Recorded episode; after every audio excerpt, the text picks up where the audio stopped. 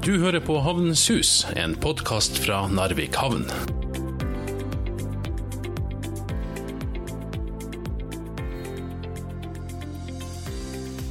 Da kan vi på nytt ønske velkommen til en ny episode av Havnens Hus fra Havnens Hus.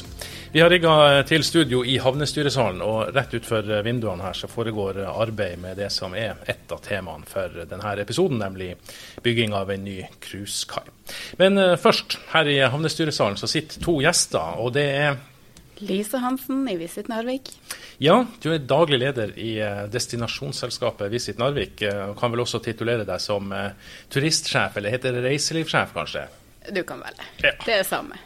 Og vi har også en annen gjest, nemlig Grete Parker, cruisekoordinator i Narvik. ja, som eh, ganske nylig har eh, fått et overraskende besøk. Ja, vi var så heldige å bli spurt om å kunne ta inn et eh, ekstra skip. Vi klarte det, vi hadde været med oss, og det ble en fantastisk fin dag. Og så har vi som vanlig eh, med havnedirektøren eh, Rune Arnøy. Og jeg heter Kjetil Moe og er programleder for eh, denne serien.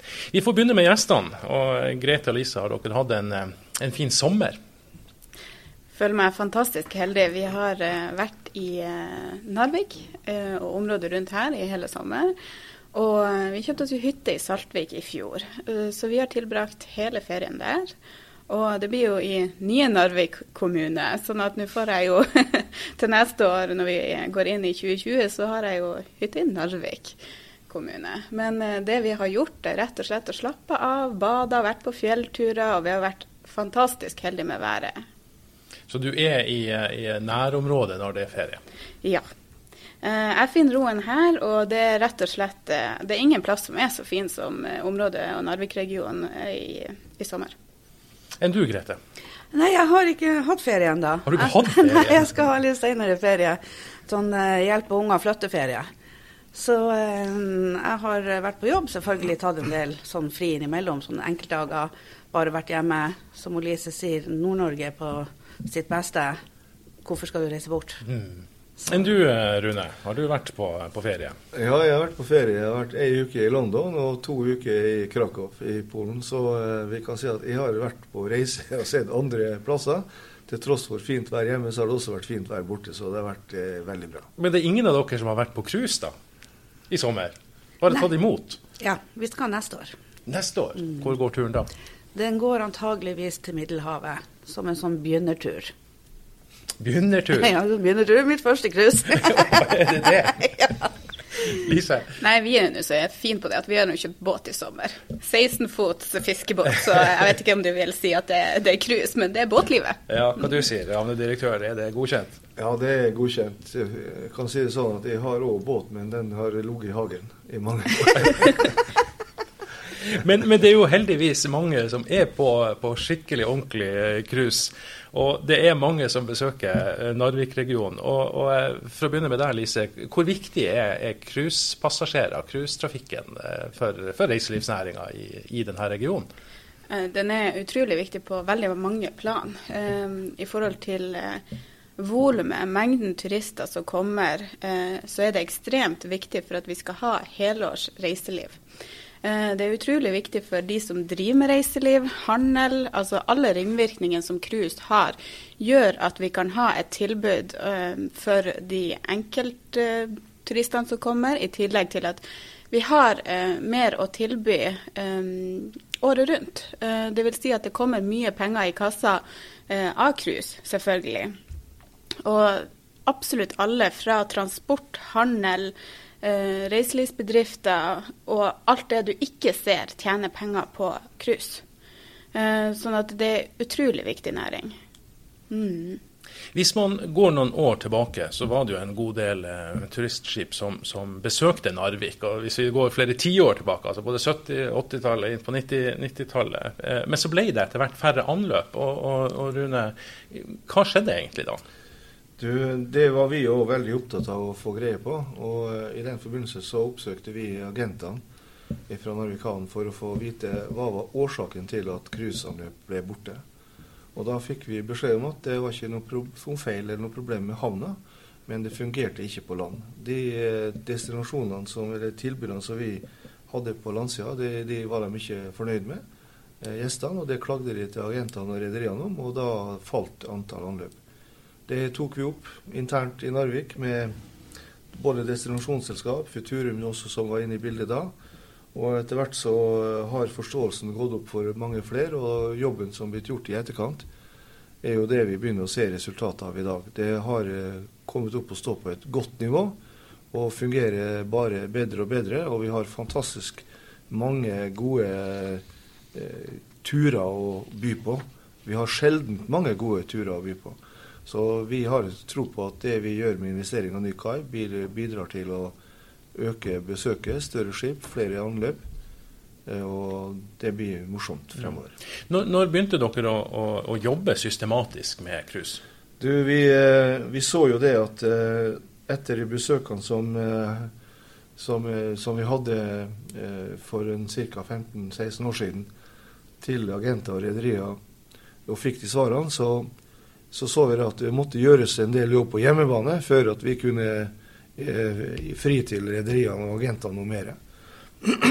Men eh, eh, først når at eh, vi fikk en cruisekoordinator da i regi av Futurum, og som vi etter hvert overtok, og destinasjonsselskapet ble omorganisert til eh, Visit og mer hva vi skal si, folkeliggjort, ikke bare på ekstremsportsida, så fikk vi en eh, bedre kombinasjon, og vi har fått bedre løsninger. Så først etter at det satte seg og begynte å fungere, så har vi også sett at vi har fått vekst i trafikken. Mm. Grete, du, du, du er cruisekoordinator. Du har jobba med denne cruisesatsinga gjennom mange år. Hvordan har dette arbeidet vært organisert? Hva er det dere konkret har gjort? Ja, ikke sant? det er sånn, ikke sant? How long is a piece of string? ja. Ja. Uh, jeg begynte i 2011. Eh, og det handla jo om å først uh, gjøre seg kjent både med hva vi hadde å tilby lokalt, eh, samtidig som at man måtte bli kjent med både agenter og rederier. For det var jo en helt ny, ny, bransje for meg også. Jeg tror ikke jeg sa et ord det første året, for jeg måtte bare lære meg terminologien og språket og forkortelsene og de der tingene. Men eh, etter hvert så har vi fått eh, fantastisk eh, god dialog med de norske agentene som håndterer da rederiene. Og de var, i hvert fall i begynnelsen for meg, eh, veldig stor hjelp for å introdusere meg til rederiene. Slik at du får den dialogen eh, og begynner å kjenne de. Hvilken type rederi har vi? Eh, hvilken type markeder er det de søker? Hvilken type kundegruppe er det de har? Altså alt det her som ingen ser at noen må gjøre for å bli kjent i et marked. Og det er jo det samme uansett hva du starter nytt i. Og når de her tingene begynte å falle på plass, og jeg og Lise hadde hatt veldig godt samarbeid, eh, beskrivelsene ut, nye turer, fiffe opp det vi har, um, utvide produktene sommer og vinter og den type ting, så har vi sakte, men sikkert eh, nærma oss. Og vi har hele tida, det er veldig viktig å forstå, vi har hele tida vært konkret på hva vi kan ta imot. For én ting er å si sant, 'Å, kom hit, kom hit, vi kan alt'. Vi kan ikke alt. Vi har aldri kunnet alt, og vi kan fortsatt ikke alt. Men med å si det at OK, nå kan vi ta skip opp til 1000 passasjerer. Så har du guider, du har infrastruktur, du klarer å ta imot og du klarer å levere. Og det er bedre å gjøre det og levere bra enn å overgå seg sjøl for at man skal være så stor på det. Og sånn har vi sakte, men sikkert bygd. Fra 1000 til nå nærmer vi oss 3000. Så nå har vi en eh, De neste største skipene som kommer inn nå, har 2900 passasjerer. Ja, jeg kan jo egentlig tilføye at det, det er gjort en fantastisk jobb, fordi at uh, med den historikken, da uh, Det skal ti, ti gode opplevelser for å veie opp for én dårlig. Det vil si at da Cruise Narvik og Narvik havn har gjort en fantastisk jobb for å, å få dem tilbake ikke sant, med den misnøyen som har vært. Eh, og da mener jeg jo at eh, det, det, har fungert veldig godt, det samarbeidet, i forhold til at vi har jobba veldig mye med kvalitet eh, og kontinuitet. Eh, for det har vært eh, i alle ledd behov for det her med kvalitet, forståelse og profesjonalitet. Det, det, må være på en destinasjon, det må være fokusområde nummer én. Eh, så her mener jeg jo at vi virkelig har gjort en god jobb på flere plan. For vi ser jo at det her funker også for annen type turisme, la oss f.eks. si charterfly, som er veldig interessert nå i å komme. Sånn at en, turist er en turist uansett hvor, om man kommer med et cruiseskip eller med et charterfly, eller om man kommer med camping. Men, men, men, ser man òg at, at uh, turistene kommer tilbake som, som enkeltindivid etterpå, etter f.eks. å ha vært her med, med cruiseskip? Det opplever jeg. Jeg opplever at vi får, etter at de har vært på cruise og, og møtt Grete, og, og fra, fra, den sida så møter vi dem eh, på turistkontoret eller får mailer, eh, telefoner. Vi var med cruise i Narvik, og vi ønsker å komme tilbake. Eh, men da ønsker vi å oppleve sommer eller vinter, hvis de har vært der på en annen årstid. For De syns jo at eh, naturen og området her er vakkert, og det føles ganske uberørt. Vi er ikke den havna som er overpopulert av turister. Og det merker de. Mm. Men, men, Grete, var det veldig vanskelig å snu det her? Altså De som hadde vært her og ja. hadde en dårlig opplevelse, de, de rederiene, de, de, de, agentene og, Jeg var ja. Mitt første Det første jeg deltok på etter jeg hadde begynt, det var bare noen få uker etter jeg hadde starta, så skulle det være um, Vi er med i et nettverk som heter Cruise Norway, som er på en måte en paraplyorganisasjon for alle cruisehavner i Norge. Og de har samling en gang i året. Og nå skulle det være i Tromsø. Og det var jo såpass nært at da fant vi ut at da kunne jeg jo bare fære å være med. Og um, møtte da en, en mann um, som um, jobber som agent han virka veldig streng. Og når jeg fikk høre hvem det var, så visste jeg jo at vi hadde blitt slakta av den agenten. Så jeg tenkte jeg må jo bare gå og hilse på. Så jeg gikk opp og tok han i handa og sa hvem jeg var, og at det var fra Cruise Narvik. Og fikk da til svar at å ja, ja, dere vet vi jo alt om. Og der lå lista. Han er i dag en av mine beste venner som agent, men der lå lista. Og Hvordan klarte du å snu det, da? Sjarm. Nei da. Um, med åpen dialog. Jeg la meg paddeflat. Jeg bare sa jeg er fullstendig klar over at ting ikke har virka. Jeg har fått en del historikk, men det var før min tid. Jeg kan ikke endre det som har vært. Jeg kan bare være med på å forbedre det. Men jeg er også da helt avhengig av at dere jobber sammen med meg og lærer meg hva det er dere har behov for, sånn at jeg kan jobbe med å tilfredsstille de behovene og jobbe frem produkter som deres kunder eh, og som gjestene da ønsker å, å, oppleve når de er her. For vi er jo en helårsdestinasjon. Eh, og vi ser jo at det kan være utfordringer på, både på vinter og sommer. Det er jo ikke alle dagene som er som den vi hadde forleden dag. Så, eh, så vi må være klar for alt. Men, men det må jo ha vært en god oppskrift, da? når, når den ganske raskt ga resultat? Vi begynte jo så smått. Når jeg begynte, så hadde vi, hva vi hadde seks anløp det første året. og Så gikk vi opp til åtte, og så gikk vi opp til ti, tolv, 15. ikke sant? Sånn det var jo baby steps hele veien. Uh, men det vi så, det var jo at de som har vært med oss fra starten av, er fortsatt med oss i dag. Og jeg var så heldig og fikk uh, holde et foredrag på um, ei, på Seatrade i Lisboa uh, i fjor, um, som gikk på dette med uh, små destinasjoner.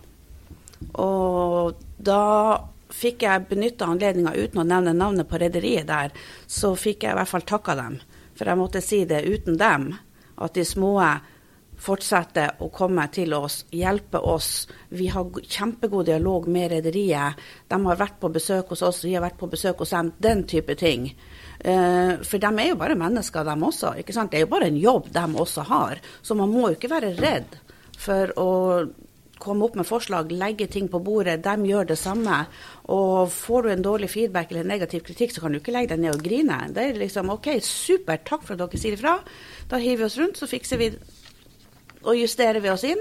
Og sammen har man da bygd det opp. Så det er jo ingenting i denne prosessen som er jeg eller du eller oss eller dem. Det er bestandig vi. Men Rune, hvordan har det vært å se denne utviklinga, at man klarer å snu det? Eh, og, og, og, du kan sitte på kontoret ditt og se at flere eh, skip kommer inn? Det er veldig hyggelig. Eh, og når Grete er tilbake til, til sin start i 2011, så vet vi også det at eh, det, like etter det så klarte vi å få start på eh, bygging av en bulk, ny bulkterminal. eh, som, med Northern Resources, som kom til å gi oss større inntekter. Og som også så det at her var det mulig for oss å satse noe mer.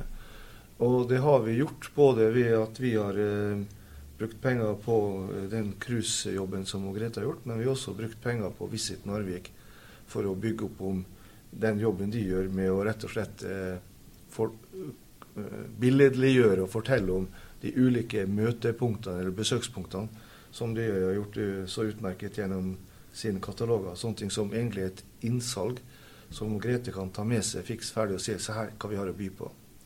Så når Northland Resources gikk konkurs, da, så uh, mista jo vi bortimot en tredjedel av våre inntekter.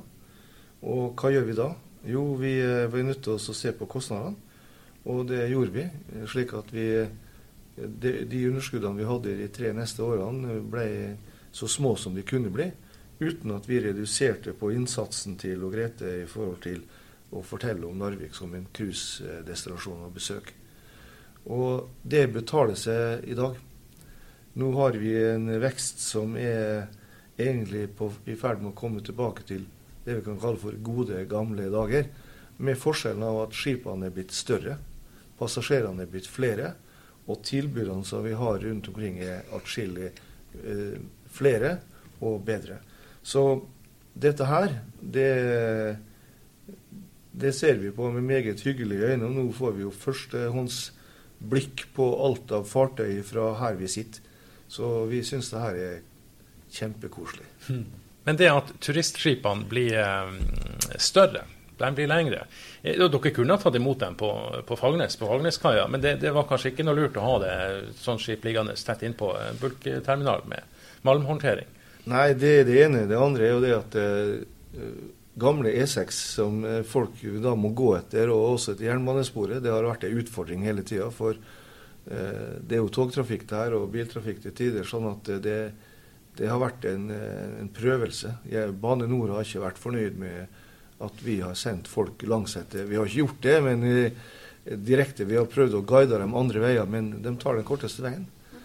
Nå når vi får eh, ny kai her i sentrum, så har du egentlig få minutter opp til eh, sentrum av byen, og ingen fare med noe trafikk som kan skade noen. Så vi føler at vi, vi, det vi gjør nå, det er egentlig et helt riktig skritt for å kunne gi et bedre tilbud i kommende år.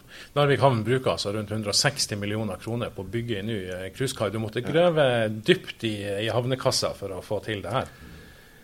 Ja, vi har i hvert fall gravd i havnekassa for å få en god finansiering ut av det. Og det har vi eh, fått på plass. Eh, og vi tror også det at eh, et så godt tilbud som vi etter hvert kommer til å presentere, vil være med på å, å forrente det her på en skikkelig måte. De, de, det arbeidet det pågår for fullt nå rett utenfor for vinduene til, til Havnens Hus. Det skal være ferdig i oktober. Vi har en plan som vi er nokså bestemt på. Og det er at eh, kaia skal være, bli anløpt av Queen Elizabeth den 15. oktober i år. Og når vi sier det til folk, så, begynner, så rynker de på nesen og sier at det er ikke mulig. Jo, det er mulig. Vi ligger foran skjema. Og det betyr at eh, allerede i midten av eh, september så er kai og alt som har med betong å gjøre, ferdig. Og da er vi klar til å ta i bruk eh, kaia 15.10 til Kvinn Elisabeth, og det kommer vi til å markere. Både med besøk fra både inn- og utland. Og eh, det blir nok en eh, liten partytime når kvinne Elisabeth klapper til nykaia her nede. Og det syns vi blir kjempemorsomt for, for byen å være med på. Ja. Grete, når, når de her planene ble offentliggjort, og, og, du kunne begynne å informere om at man faktisk eh, får bygd denne cruisekaia, hvilken tilbakemelding fikk du fra eh, operatørene og, og messe og sånne ting som du var ute på? Fantastiske tilbakemeldinger. Dette er jo noe som eh, vi internt i, i havna har prata om lenge. Uh, og jeg har jo hatt et ønske lenge om det pga. de tilbakemeldingene som Rune sier. Uh, det er ikke noe feil med, med kaja, Fagerneskaia. Den er enormt godt mottatt av kapteinene f.eks., for, eksempel, for den er fin å legge til. Uh, de får ligge langs etter hele veien.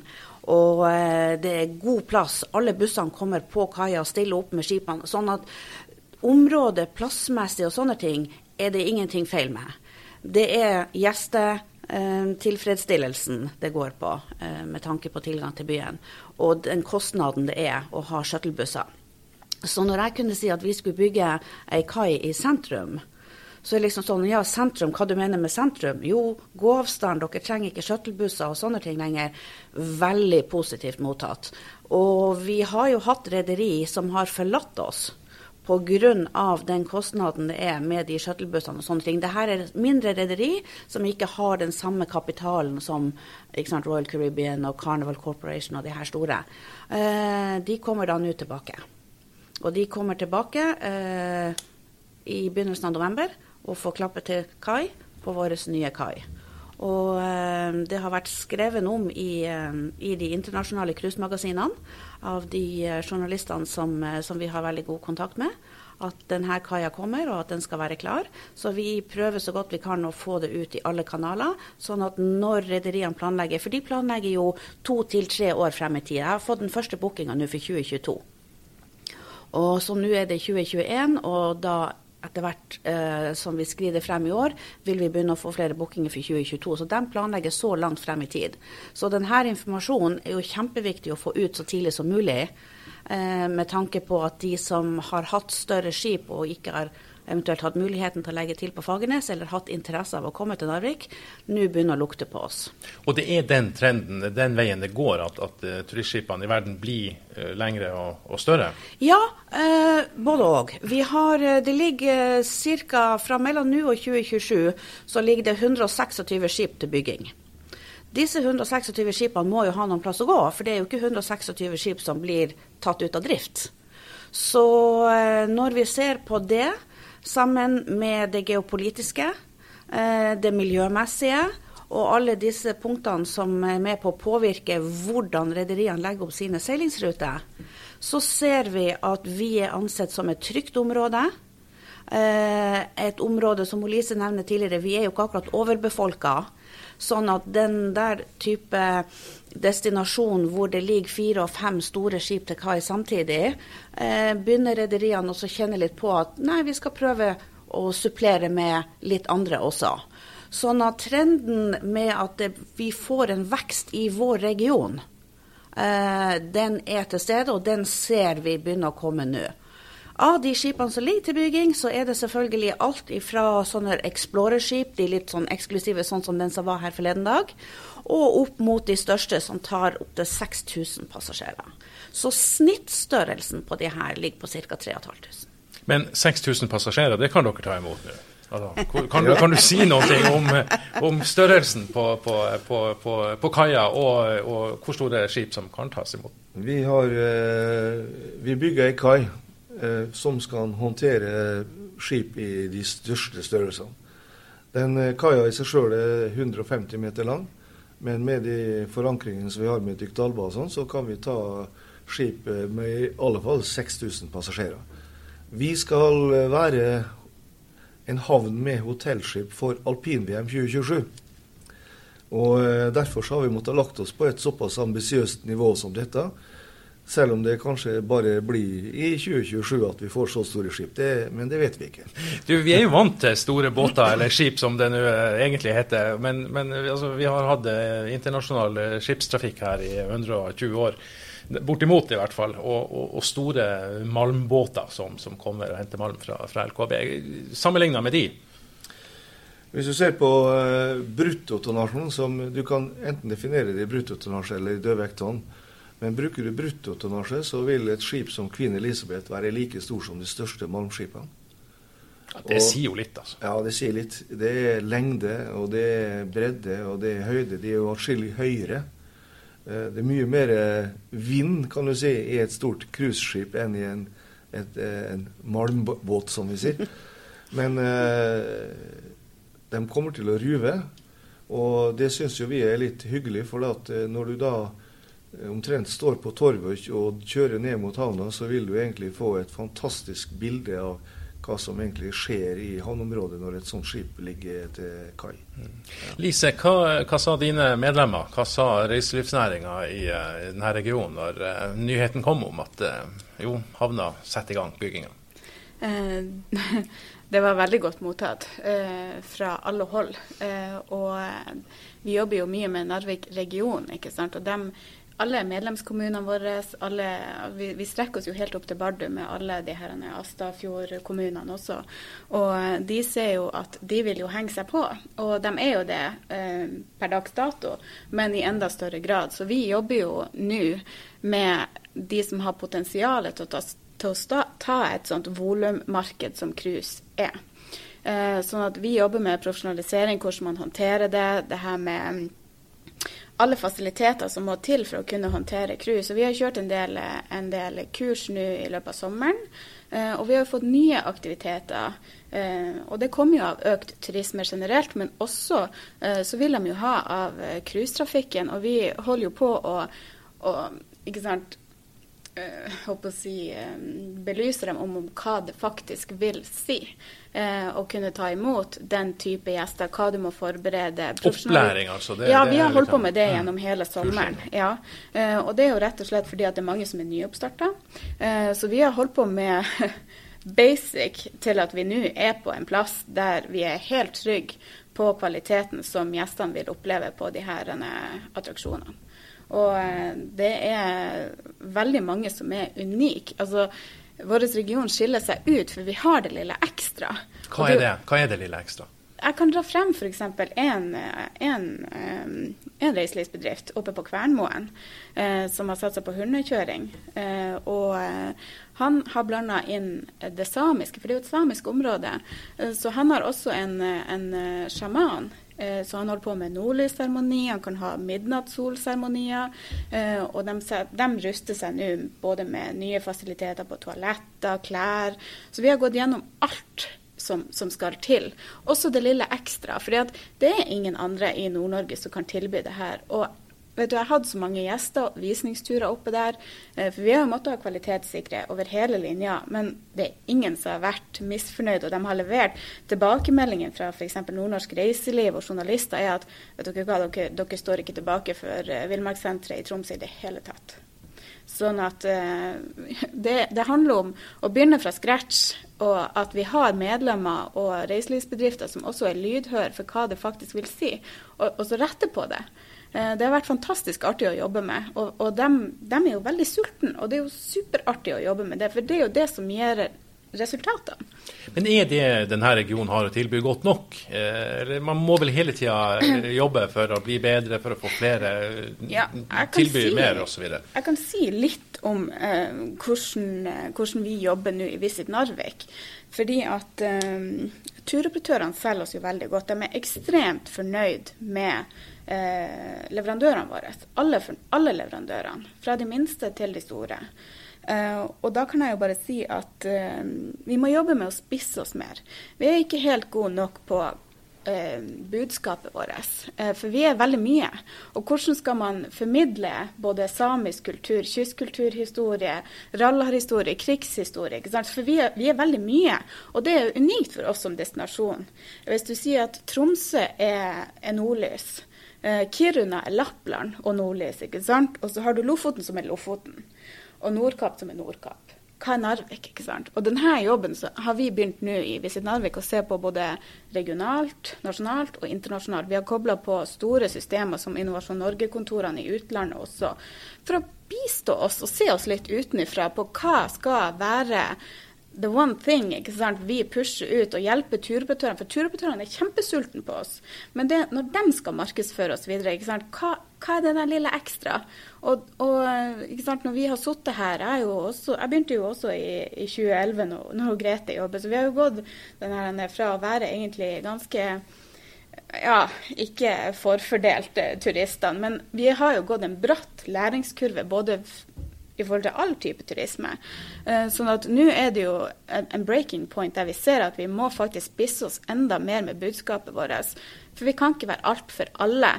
Men har man ett konkret budskap, så vil det være så godt at flere vil komme, for at det, det, er så stor bredde i det vi har å tilby.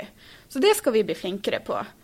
Det har vi ikke Altså, det er tvunget frem fordi at det har gått så fort, det her. Og det er jo bra. Men så ser vi bare at vi må bli flinkere. Du nikker, Grete. Du er enig? Ja. Eh, og så tror jeg òg eh, det er kjempeviktig å få frem at eh, Narvik-regionen som cruisedestinasjon er litt unik i det at vi faktisk kan si ja takk, begge deler. Vi kan ta de små, mer high end-skipene uh, fordi vi har en del unike produkter som du ikke finner noen andre plass. Og vi har i tillegg volumprodukter, slik at når skip kommer, så har vi muligheten til å sende ut store grupper som kan bli svelget opp av eh, disse volumleverandørene. Eh, samtidig som at vi kan tilby små grupper på en familie på fire eller gruppe på ti eh, mindre ting. For vi ser at trenden er at flere og flere går bort fra store sånne masse på en buss, fem busser kjører ut, du drar og sprenger etter en lollipop, den type ting, til at folk ønsker mer eh, skreddersydde produkter, mer naturopplevelser, mer den individuelle kontakten med lokalbefolkninga spesielt. Den type produkter. Og med at Narvik ikke har det store maskineriet som kanskje de større cruisedestinasjonene har, som gjør det tungt å snu seg, så kan vi snu oss på kort varsel eh, og tilpasse produkter, og samtidig òg putte to helt e enkle produkter som frittstående produkter sammen, og at begge gir og tar litt, og så får vi plutselig et tredje produkt. Den type smidighet, den type fleksibilitet, eh, er fantastisk for Narvik-regionen når vi skal prate med rederiene og også veldig godt uh, mottatt. Så vi er heldige der. Hvem er egentlig den typiske cruisepassasjeren? Eh, jeg har jo et inntrykk at for eh, en del år tilbake så var det gamle damer med blått hår. De ser vi ikke så mye av. Nei, men lenger. du har helt rett. Det, alderen går ned. Snittalderen i dag på en cruisepassasjer er 55 år. Når jeg begynte, så var den 65 år. Så det har faktisk gått ganske fort. Det er blitt stuereint å dra på cruise, for å si det sånn.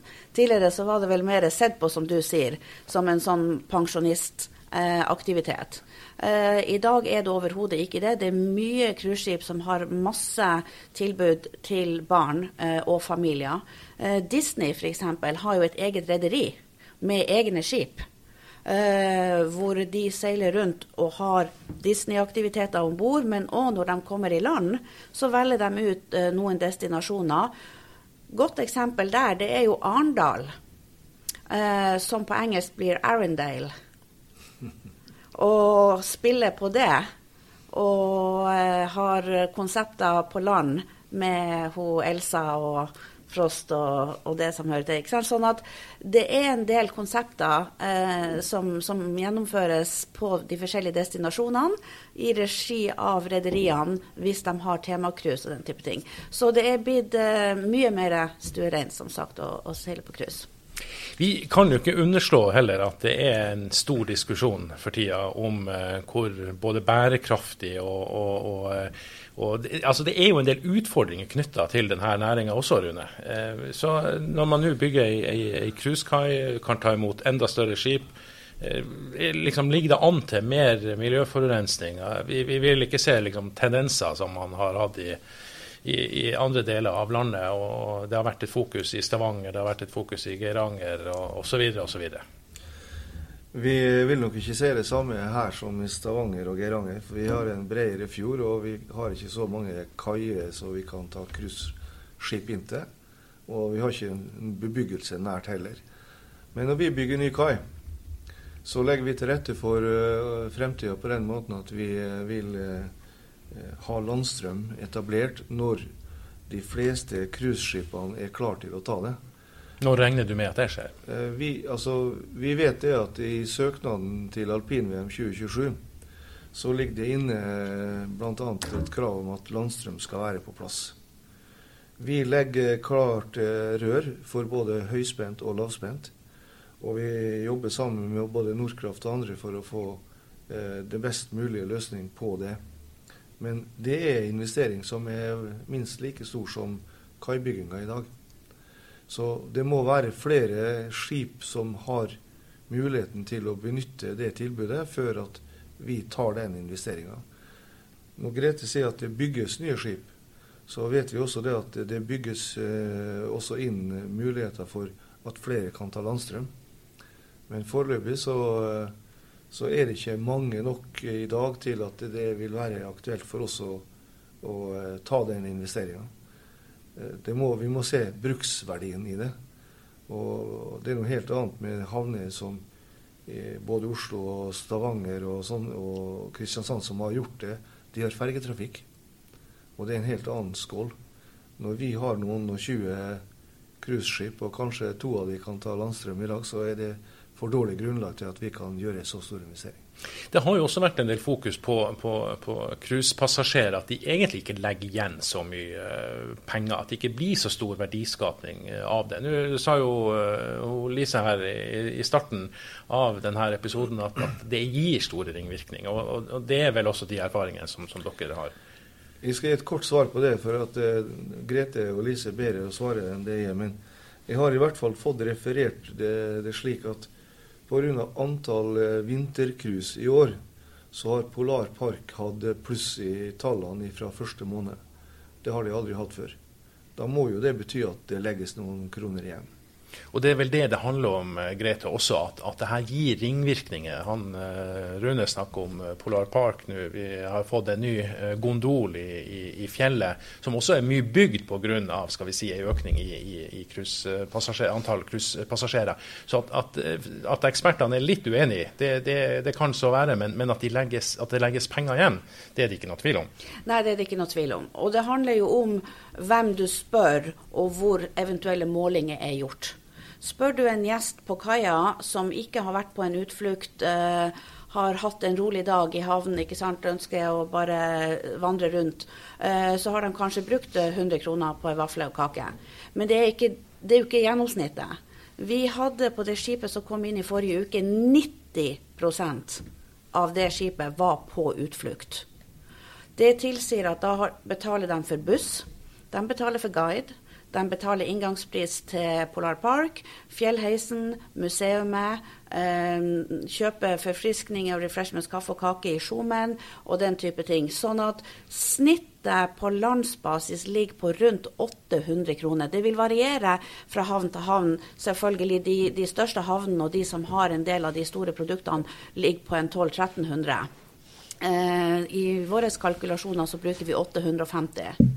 Og det er jo selvfølgelig Hvis du spør handelsstanden, så er det noen som vil si at ja, de har vært og handla hos oss. Noen anløp så har de ikke vært og handla.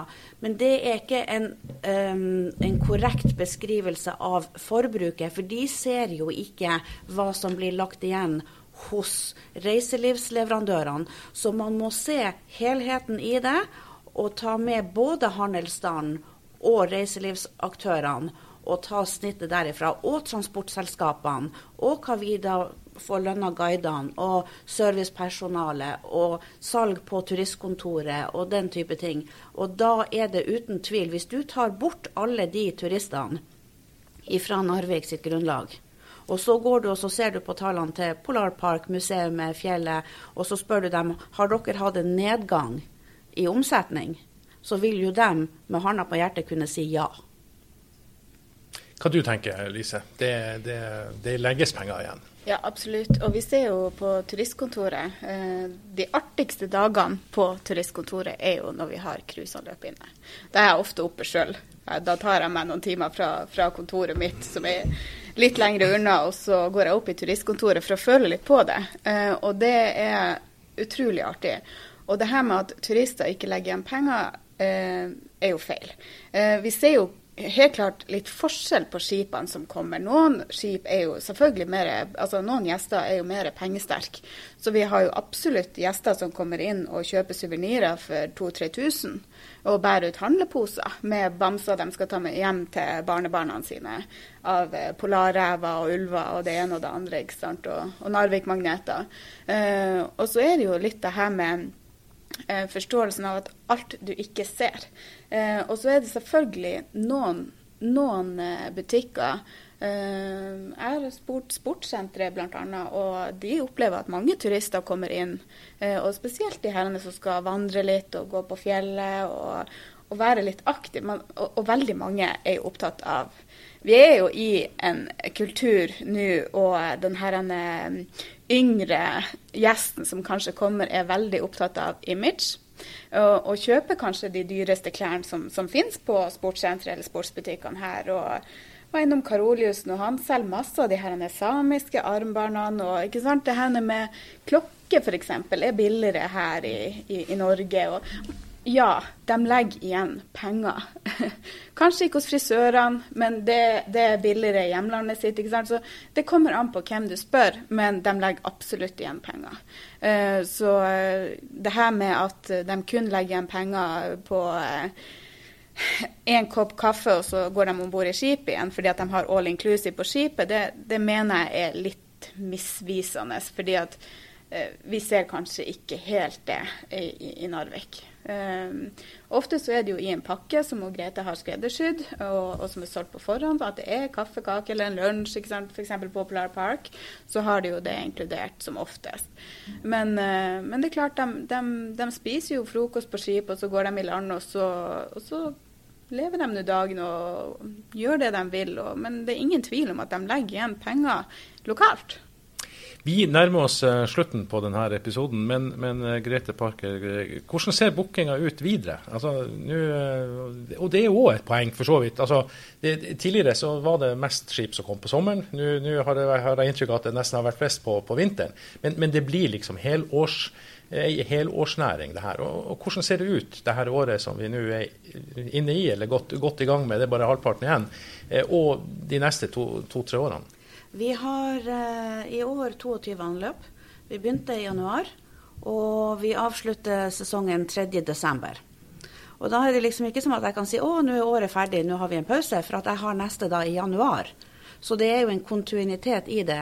Vi har 28 anløp innbooka i 2020. Og vi er vel oppe i 16 nå for 2021. Og som nevnt tidligere, så har jeg også fått min første booking for 2022. Og vi ser jo at størrelsen på noen av de skipene som blir booka inn, nå nærmer seg 3000 eh, passasjerer. Vi har fortsatt i hovedsak mest eh, engelsktalende gjester. Amerikanere og, og engelskmenn. Eh, men vi får en økning i tysk. Og det tyske markedet er det desidert største eh, i Europa, med, med England som, som, en god nummer to. Da. Og eh, og de ser opp, eh, og de ser nordover.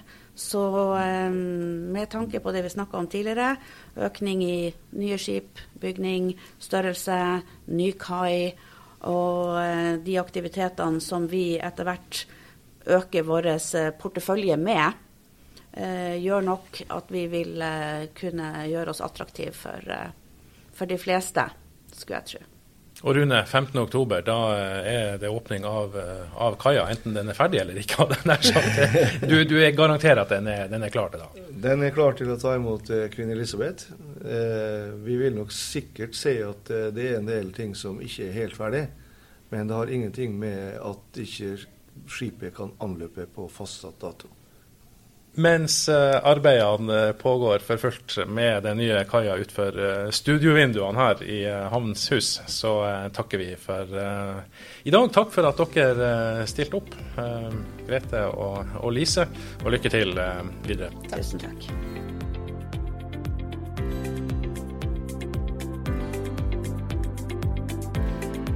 Du har hørt på Havnens Hus, en podkast fra Narvik havn, produsert av Mo Media.